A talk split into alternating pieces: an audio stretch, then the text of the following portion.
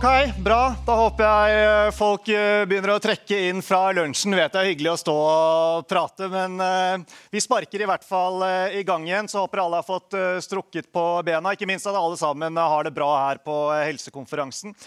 Vi skal kjøre en samtale om radiofarmasi, som er i ferd med å bli et ganske hot tema. Det skal bl.a. Jonas, som står ved siden av meg her, fortelle oss mer om.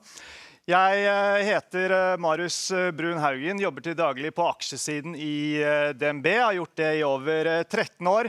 Men jeg har vært så heldig å få stått her på scenen på helsekonferansen i hvert fall de siste fire årene er det vel vi har gjort dette sammen, Jonas.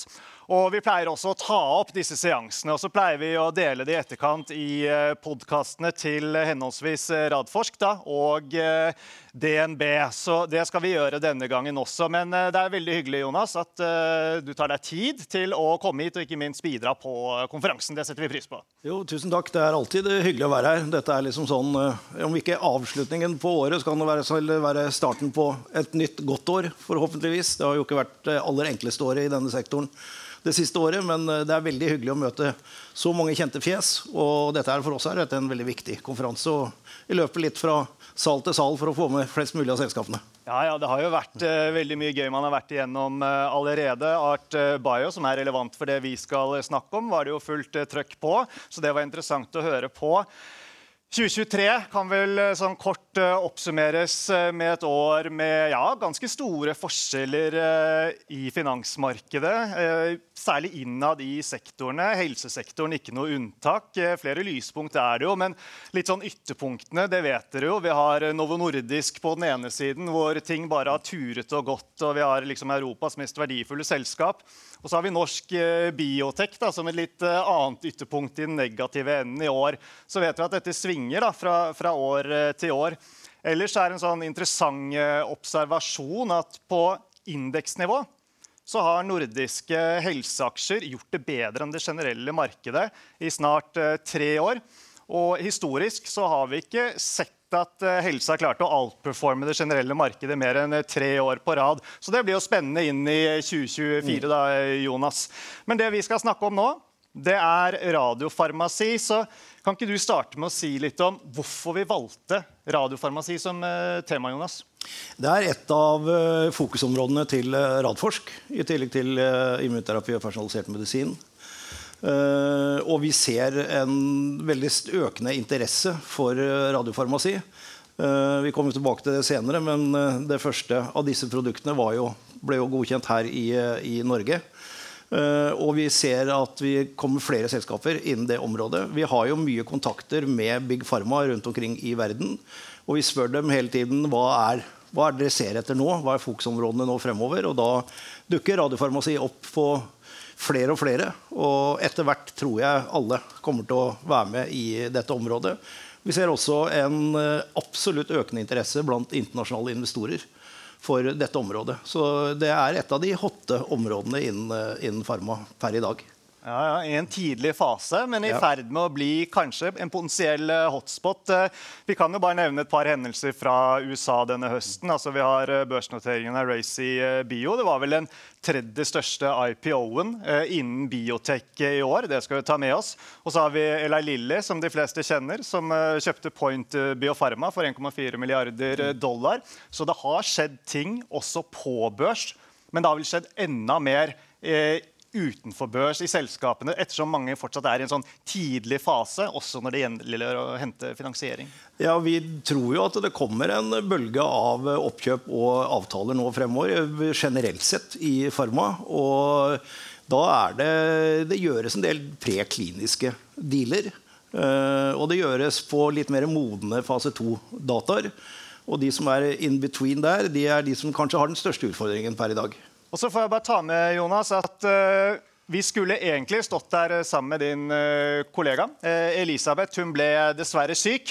Men vi skal ikke være her alene likevel. For med oss så har vi Jan Børge Jacobsen, som er administrerende direktør i Bayer Norge. Så du får komme opp på scenen, Jan Børge. Og dere får gi han en liten applaus, da, folkens. Tusen takk. Ja, velkommen. I september i år Vi må starte å snakke litt om historien før vi går eh, videre på nåtiden og, og, fremtiden. I september så hadde jo Bayer Norge en stor feiring. Da var det ti år siden Sofigo kom eh, på markedet. Eh, du har selv bakgrunn fra, fra, Algeta. Startet der i 2010. var det ikke det? Ble med over til Bayer da de kjøpte selskapet mm. i 2014. Så liksom, Fortell oss litt om Sofigo. Hva legemidlet betydde for Bayer, Norge og Bayer globalt. Ja, gjerne det. Og... Uh, Sofigo har vært på markedet i ti år. Og eh, det var banebrytende på, i flere aspekter. For det første så adresserte det et stort uh, segment, uh, prostatakreft, til å gå i en ny behandling på et område hvor vi fortsatt har en unmet medical need. Uh, og for det andre så var det en banebrytende teknologi, en plattformteknologi. Den første alfa-emitteren på markedet. Og faktisk, ti år etter, fortsatt den eneste alfa-emitteren på markedet. Så du kan si at det, Sofigo var døråpneren. Eh, første bølge av radioterapi, som lenge har vært eh, et eh, segment for diagnostikk. Og nå åpner det dørene for terapi. Etter det så har eh, eh Sofigo åpnet dørene for, eh, for Novartis har kommet på banen med to beta-emittere. Og vi forventer en, egentlig en ny bølge av ny radioterapi. For Bayer uh, Norge så, uh, og Bayer som sådan, så var det en brakte oppkjøpet da, av Algeta Bayer i forefront innenfor dette segmentet. Mm. Og Bayer har fortsatt å satse på Bayer i, Bayer i Norge på forskning og utvikling og, og produksjon. Og det har vært en suksess. Vi har vært med å bygge opp eh, eh CDMO-er her i Norge. Eh, I 2010, når da Algeta bestemte seg for å legge produksjonen av Sofigo til Norge, eh, og da til eh, IFE, eller Agilera som det heter nå i dag, så var kan, den divisjonen Vi kan jo knapt nok kalle det en divisjon den gangen. I 2010 var da den radiofarmasøytiske avdelingen til IFE 12 personer. Algeta på det tidspunktet var 40 personer.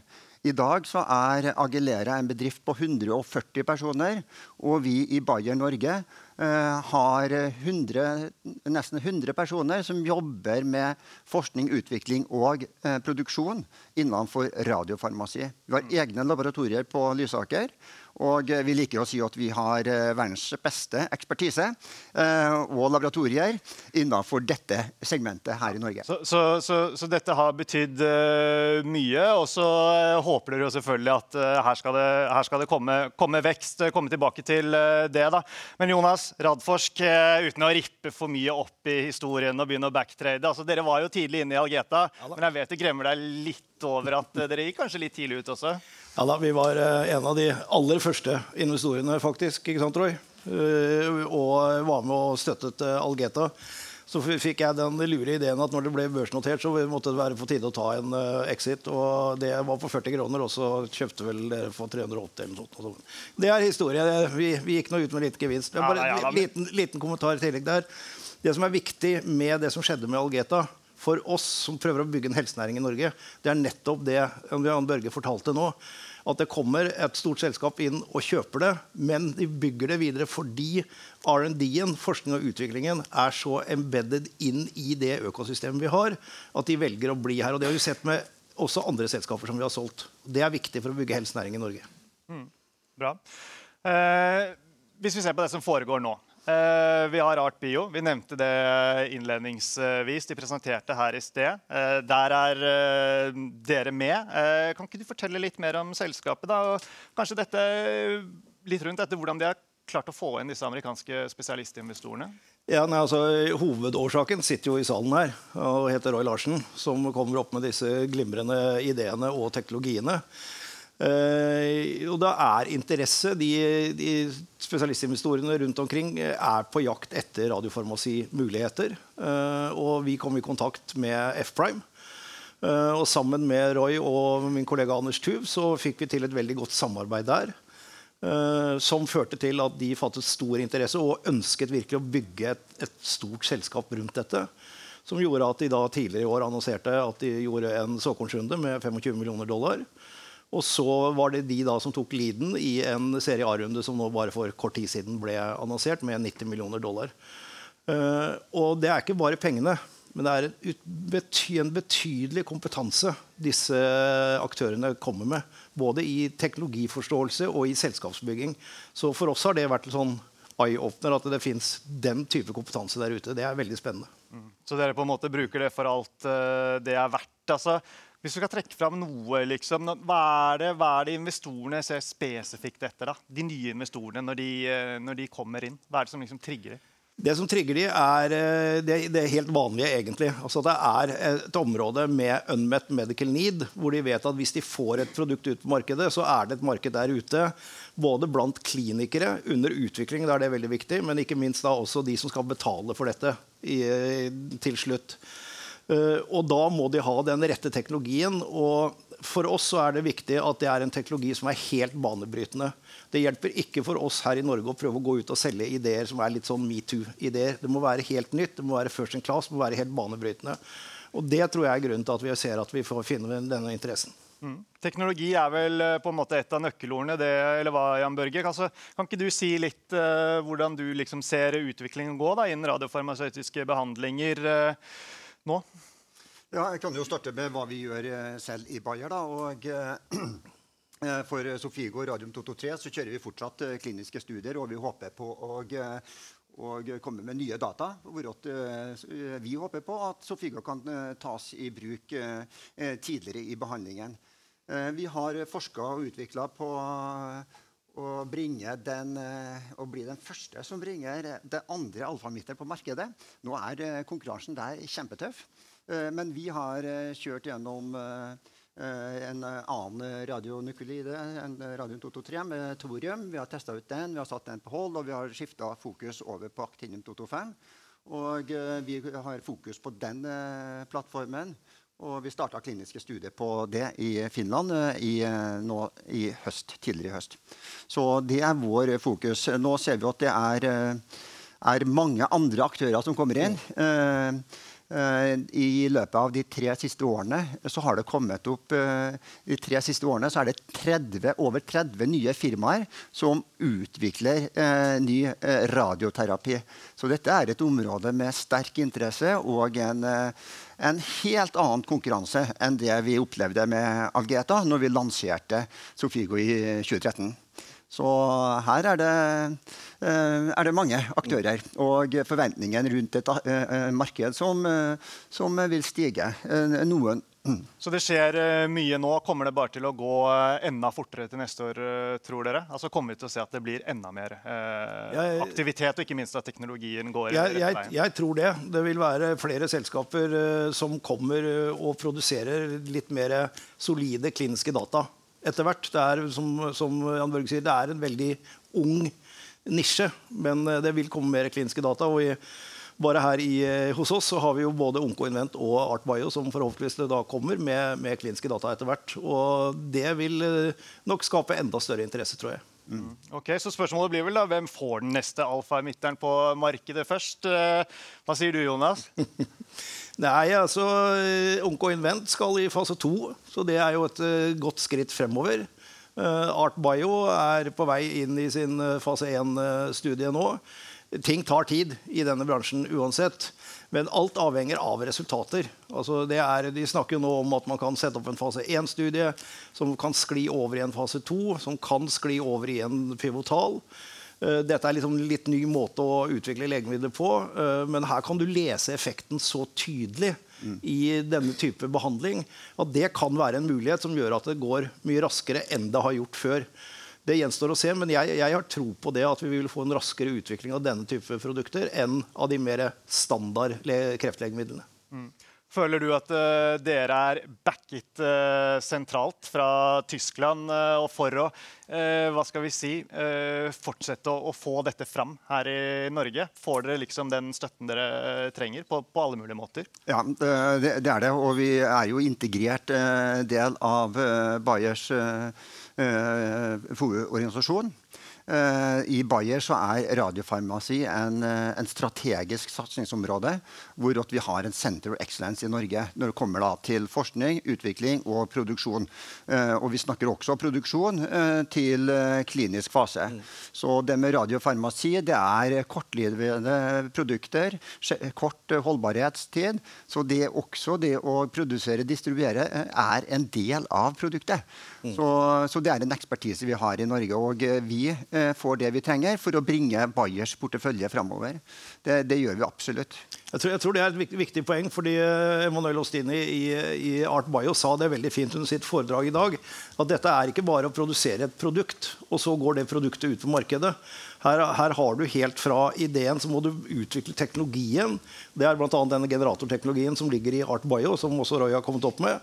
Og så skal det produseres, og så skal det distribueres. og Hvordan velger man den strategien? Og det, så dette selskapet må være med helt fra grunnforskningen mm. til produksjon til distribusjon. For det er ikke noe man bare kan overlate til andre. Så det, det gjør også denne, denne nisjen litt spesiell. Mm. Jeg vil også fremheve, Vi snakker mye om terapi. Eh, diagnostikk har også vært et eh, veldig viktig element i, eh, i radiofarmasien som sådan. Og Der har vi også sett en vekst. Og eh, Det er også hyggelig å se at der også er det i Norge en tung aktør med G Healthcare eh, som har hatt produkter innenfor Spekt og PET. Og det er også et marked som har vokst.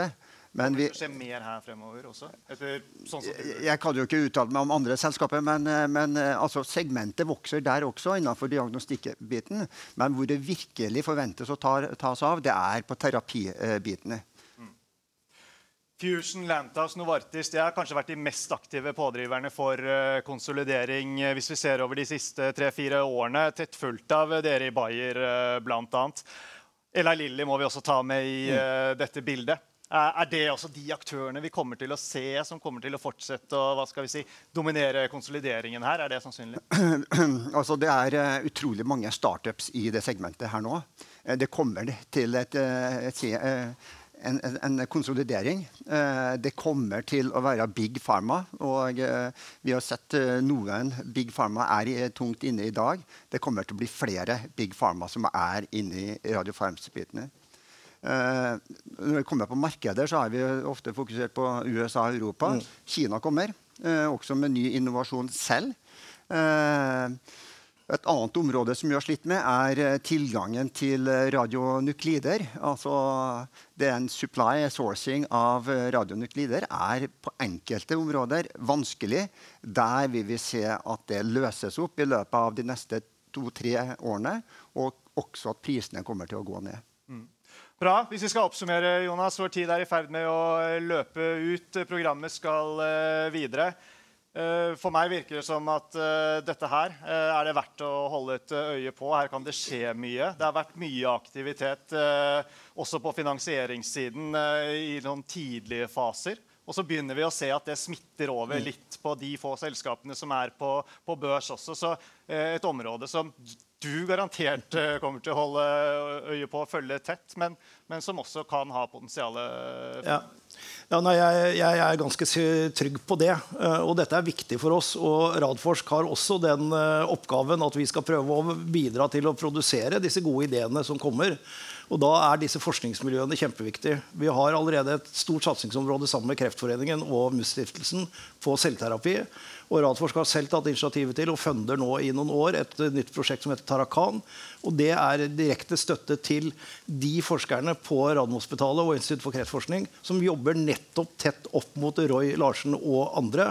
Og også etter hvert med selskapene. Sånn at vi har en motor som vi kan gi nye ideer i, tiden fremover.